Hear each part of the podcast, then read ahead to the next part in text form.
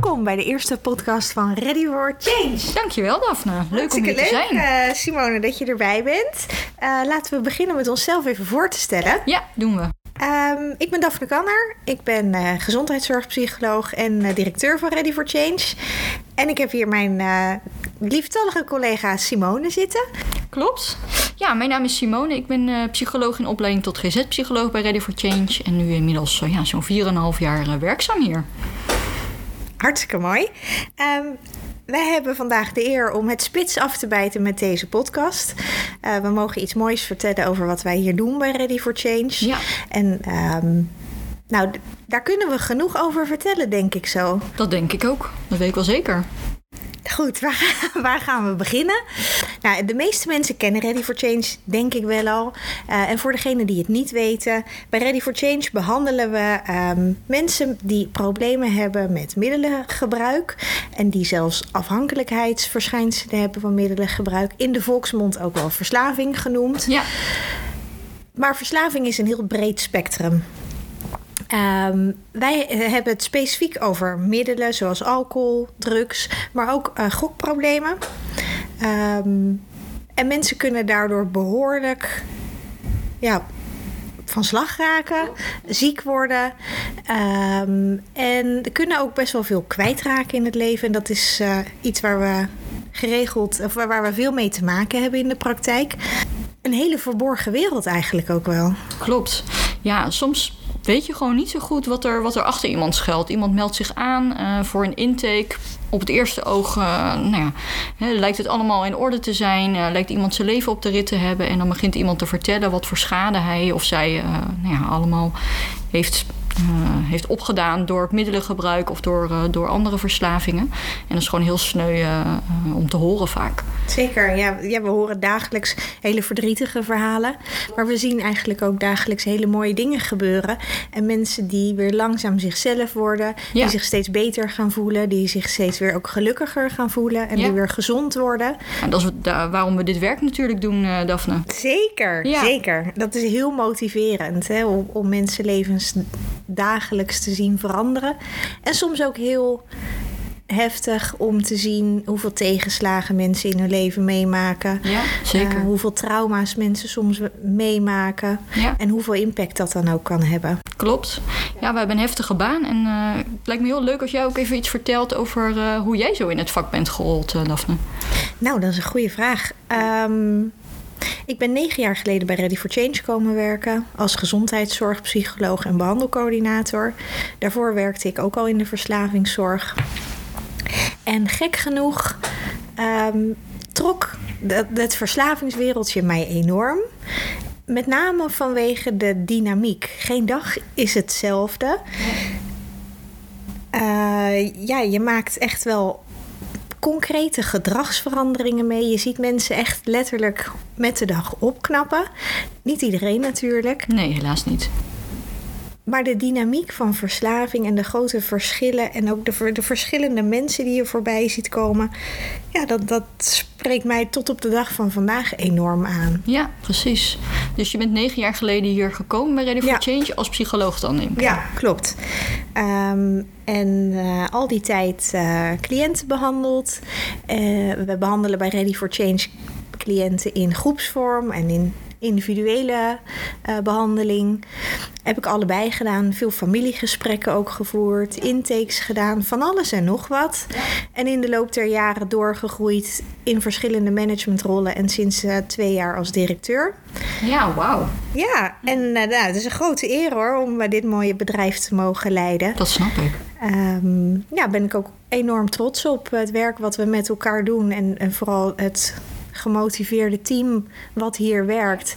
Allemaal mensen die zich stuk voor stuk enorm inzetten om onze cliënten elke dag te helpen.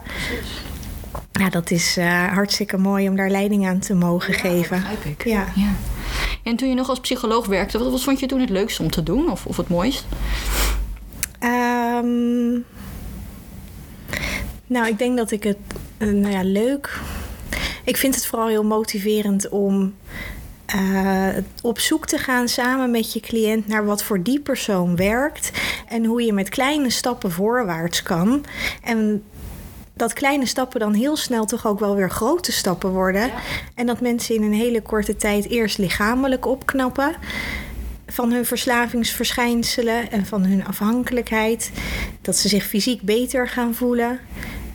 En dat ze uiteindelijk ook mentaal enorm opknappen. En tot het besef komen dat er echt wat moet gebeuren qua gedragsverandering.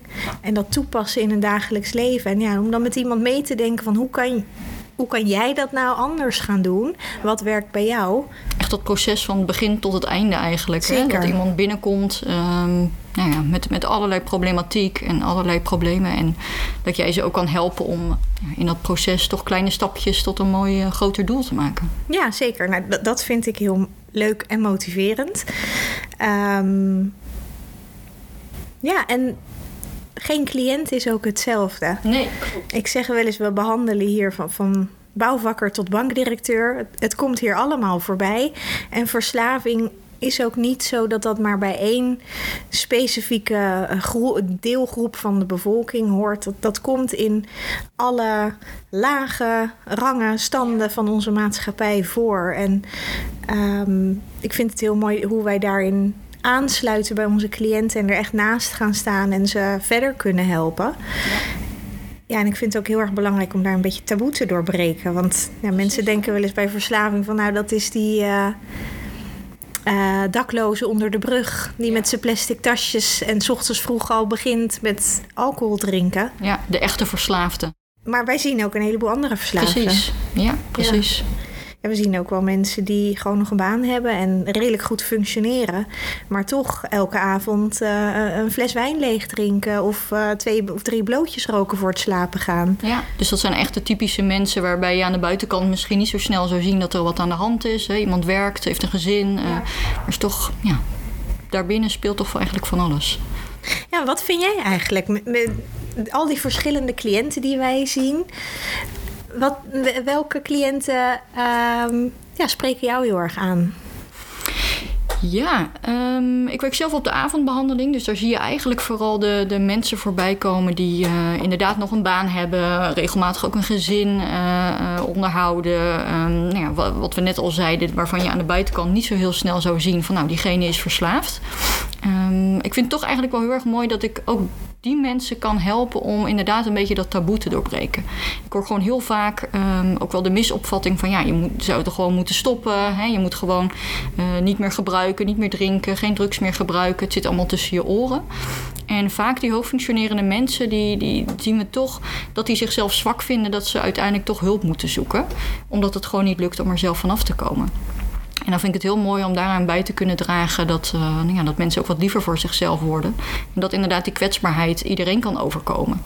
En dat het, uh, ja, verslaving kiest niet uh, inderdaad alleen maar de onderste lagen van de samenleving uit. Het is toch wel verbazingwekkend dat, dat er nog zo makkelijk over gedacht wordt. Klopt, ja. Ja, we, zien het ook hoor bij familiegesprekken inderdaad. Als er, als er naasten komen of partners of ouders... Uh, die toch nog nou ja, af en toe de gedachte hebben van... ja, maar waarom lukt het iemand niet om gewoon zelf te stoppen? Um, en dat ze toch heel fijn vinden als wij wat uitleg geven over nou ja, die kwetsbaarheid van verslaving. Dat mensen daar niet zo heel veel aan kunnen doen. Um, ja, en, en, mensen leren dat niet gewoon in dagelijks leven. Die, die horen daar niks over, dus die, ja, die weten dat ook helemaal niet. En kun je wat meer vertellen over die kwetsbaarheid? Hoe, hoe zit dat dan? Is verslaving een ziekte? Ja, verslaving is zeker een ziekte, een hersenziekte. En dat klinkt best wel zwaar, alleen uh, zijn er ja, daadwerkelijk verschillen gevonden in de hersenen tussen mensen met verslaving en zonder verslaving. Um, en dat, dat noemen we ook het biologische, de biologische factor uh, van de verslaving. Uh, het gaat over een stukje dopaminesysteem. Hè. Dopamine is het, het geluksstofje, het gelukshormoon. Um, die wordt aangemaakt als, mensen iets leuks aan het doen zijn, of gezellig met vrienden op stap zijn, of iets lekkers aan het eten zijn. Um, en dat werkt ja, toch gewoon anders bij mensen die verslaafd zijn. Vanaf hun geboorte al, en daarom noemen we het een ziekte. Um, en daarnaast zijn er nog wat andere hersenverschillen gevonden. Um, over de, de, verschillende delen in het brein die niet goed samenwerken met elkaar. Maar ook een stukje geheugen wat anders werkt bij mensen met verslaving. Um, er zit ook echt een genetische, genetische kwetsbaarheid in. Dus we zien gewoon regelmatig dat, dat cliënten komen en vertellen dat in hun familie ook verslaving voorkomt. Of die kwetsbaarheid.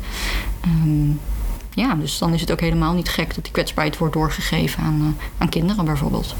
En vind jij dan dat mensen er ja, kan je er wat aan doen als je verslaafd bent?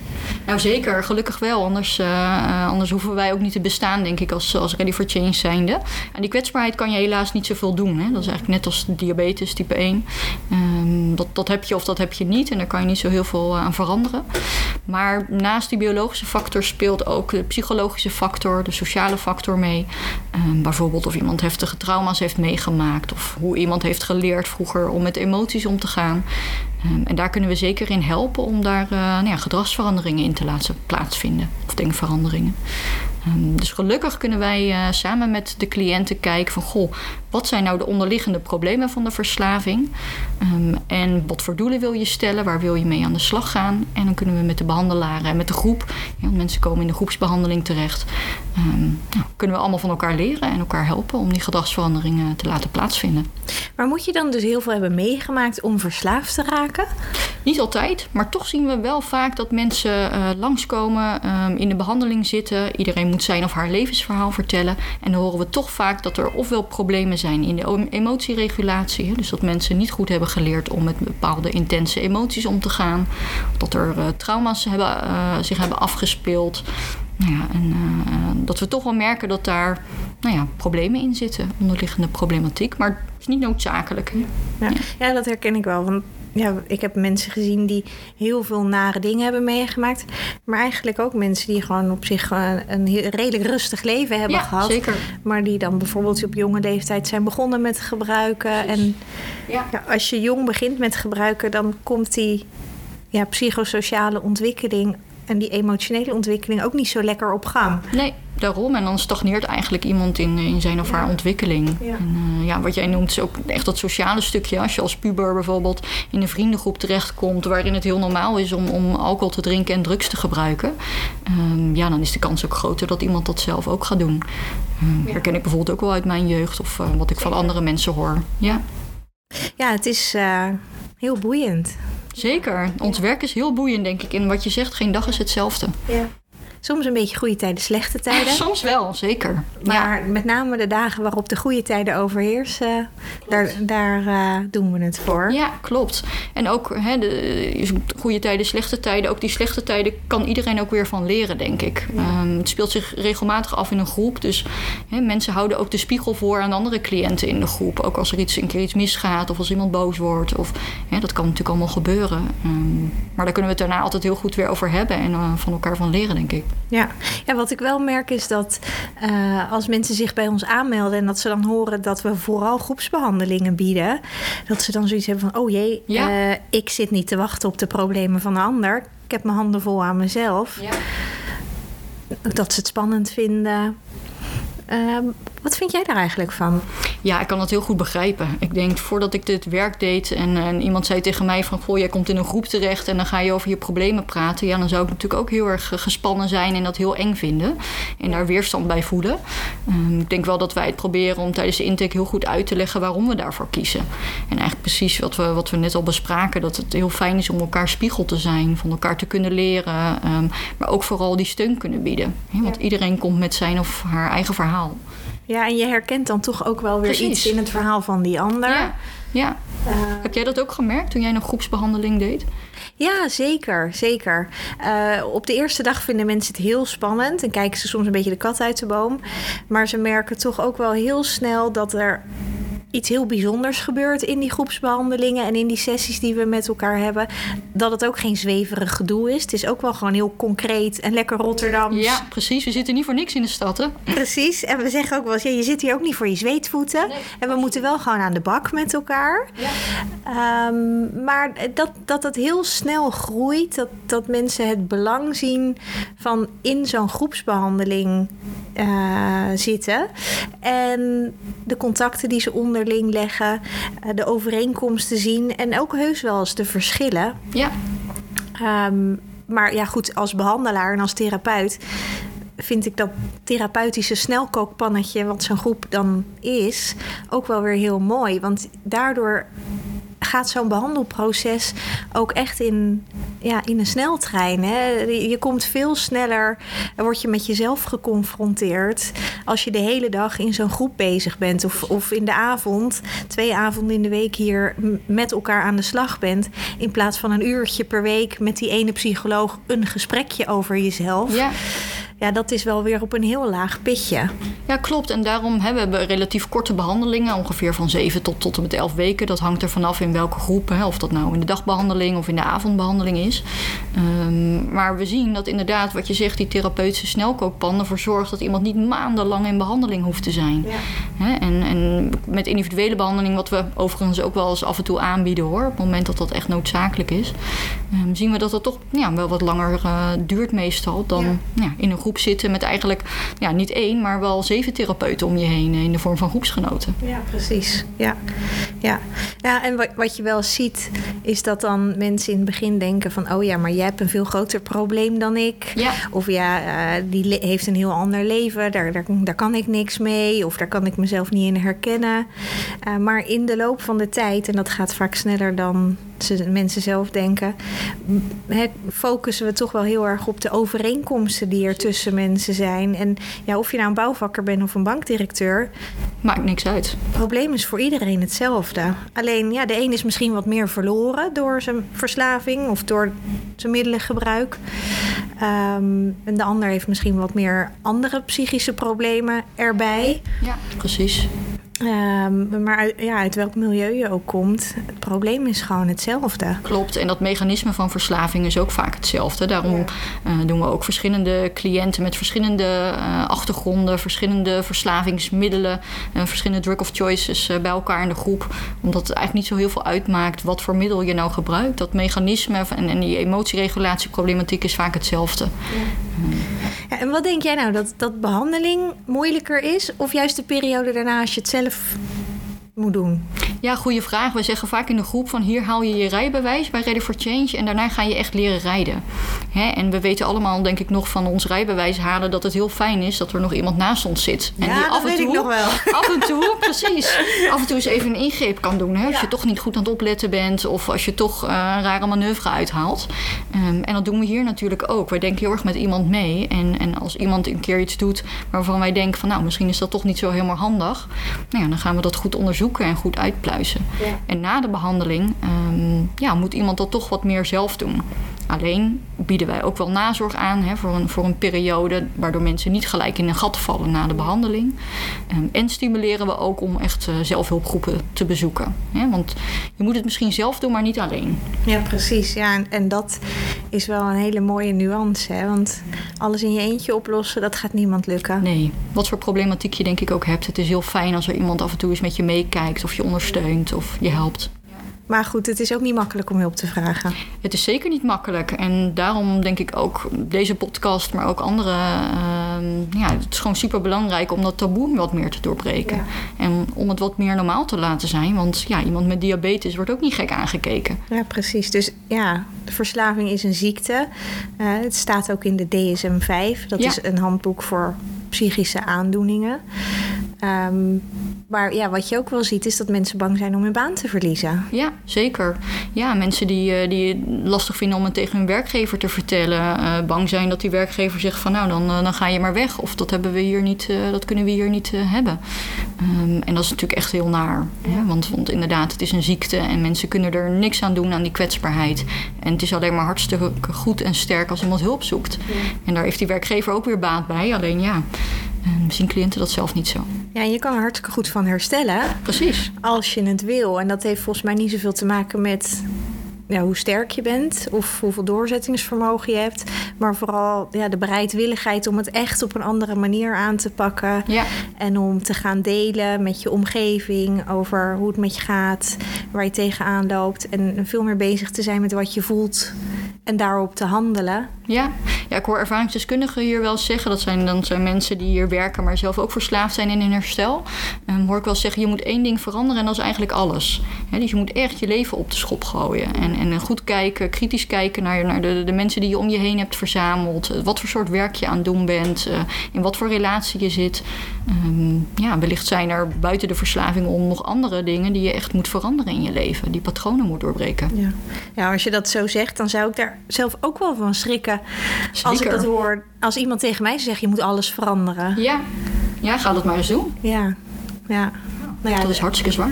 Ja, dat, dat is het. En ik denk dat mensen dat nogal eens onderschatten. Klopt. Hoe moeilijk het is om je gewoontes te veranderen. En om andere keuzes te maken in het leven. En tot besef te komen dat sommige vrienden niet altijd even goed voor je zijn. Ja. Of een relatie niet, je je niet verder helpt. Ja, maar dat zijn allemaal enorme levensbeslissingen eigenlijk. ehm, die je echt niet in één dag hoeft te maken, absoluut niet. Maar waar we wel kritisch naar gaan kijken in de behandeling. Van goh, ja, ga toch eens onder de loep nemen hoe jouw leven eruit ziet. En of daar wellicht veranderingen in, eh, in aangebracht moeten worden.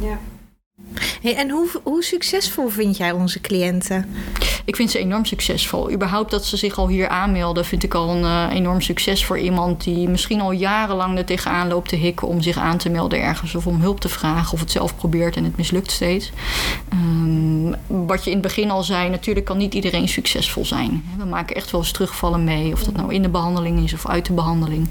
Eh, als dat nog in de behandeling is, dan gaan we echt goed kijken met iemand van goh, hoe is dat nou gekomen? Ehm, we maken dan een gedragsanalyse, hoe we dat mooi noemen. Uh, iemand gaat helemaal analyseren hoe die situatie is gegaan. Ehm, maar goed, ja, af en toe horen we ook dat mensen na de behandeling terugvallen. En dan hoop ik eigenlijk alleen maar dat ze zich weer aanmelden. Of dat nou hier is of elders. Maar ja, ik hoop dat ze zich in ieder geval weer aanmelden om hulp te vragen. En de mensen die dan terugvallen, hebben die dan een ernstigere verslaving? Niet altijd. Ik, ik denk, hè, wat we net al bespraken, dat iemand echt vooral die knop om wil zetten. Hè? Dat het vooral een kwestie van willen is en slimme keuzes maken in plaats Ja. van sterk proberen te zijn. Ja, precies. Ehm, en soms merken we gewoon dat iemand er nog niet helemaal klaar voor is om echt die veranderingen aan te gaan brengen. En dan is het misschien wel over een jaar of over vijf jaar. Want hoort terugvallen erbij, vind jij? Nee, ook dat niet. Nee, ik denk niet dat per se terugval erbij hoort. Ehm, wat- denk jij daarover? Nee, dat denk ik ook niet. En ja, bij Ready for Change houden we er ook niet van om iemand van de regen in de drup te helpen. Nee. Dus we willen echt het probleem serieus aanpakken. En daarom moeten we soms ook heel streng zijn. Ja, zeker. Dat is niet altijd even leuk. Maar we willen iemand echt vooruit helpen en tot gedragsverandering bewegen. Ehm, maar ja, weet je, aan de andere kant, het is ook zo begrijpelijk. Bij de ziekte van verslaving hoort het soms ook wel dat je jezelf en anderen grondig voor de gek weet te houden. Ja, En ja, dat bewustzijn is er niet bij iedereen. Maar ik ken een heleboel mensen die hersteld zijn zonder terug te vallen en een heel mooi, gezond en gelukkig leven hebben weten op te bouwen, maar er wel elke dag nog aan moeten werken. Ja. ja, het is die kwetsbaarheid die gaat nooit meer weg. Dus het is echt een chronische ziekte. Dus je moet altijd eigenlijk de rest van je leven inderdaad ermee bezig zijn. En natuurlijk is het zo dat in het begin van je herstel je er nog veel meer mee bezig bent dan als je 50 jaar verder bent. Eh, maar ja, het feit blijft dat je er eh, alert op moet zijn en, en eh, altijd die veranderingen door moet blijven brengen in je leven. Ja, ja, dat vind ik soms wel het slechte nieuws wat ik moet brengen. Ja, klopt. Mensen schrikken ook hoor, als we dat zo vertellen. Of als, als er familie komt of naast de partners komen. Die zeggen dan van, goh, ja, kan iemand echt nooit meer een wijntje drinken... of nooit meer eh, gezellig eh, op een feestje toch wat gebruiken. Ja, en onze boodschap is dan toch helaas van, ja, eigenlijk niet. Hè, het zou in ieder geval het beste zijn om dat niet te doen. Omdat we er echt niet geloven. Ja, en, en ik zeg dan zelf wel altijd van maak het klein, hou het bij vandaag en misschien morgen. Maar eh, je doel van vandaag is om geen middelen te gebruiken en om verstandige keuzes te maken. En om het anders aan te pakken. Precies. Ja. Ja. Ja. als je gaat denken over, hè, dat, dat zou ik bij mezelf ook heel moeilijk vinden. Als ik denk van, nou, ik mag nooit meer, ik zeg maar wat chocola eten. Ja, dat klinkt wel heftig. Zeker. Maar ja, als je het voor vandaag eh, bepaalt of bij, per vandaag kijkt, dan wordt het toch al een heel kle- kleiner doel. Ja, absoluut. Ja, en ik, als ik zo een beetje naar de cijfertjes kijk, dan denk ik dat ongeveer twee derde van onze populatie van al onze cliënten dat die de behandeling succesvol uh, afronden. Dus uh, de hele behandeling abstinent blijven en uh, met een Ready for Change diploma de Precies, deur uitgaan. met een mooi certificaat. Ja, Absoluut. onwijs gaaf. Ja, zeker. En um, we hebben ook al eens een onderzoek gedaan waaruit bleek dat uh, tot een half jaar na de behandeling driekwart nog abstinent was. Um, ook een heel mooi cijfer. Zeker, ja. Ik hoop dat we die standaard uh, mooi hoog kunnen houden. Het lijkt mij een mooi doel. Precies. En ik denk dat we met dit uh, mooie team om ons heen, uh, met, met leuke collega's, een jong betrokken team, dat we ja, met z'n allen onwijs ons best doen om dat voor elkaar te boksen. Zeker. En, ja. ja, dat we nog lang zo mogen doorgaan. Ja.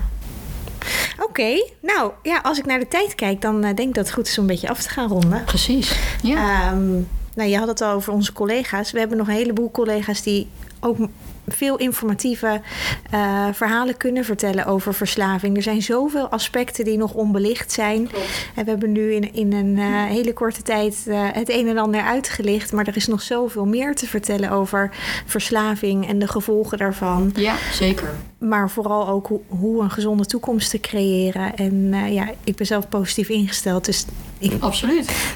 laten we daarop focussen.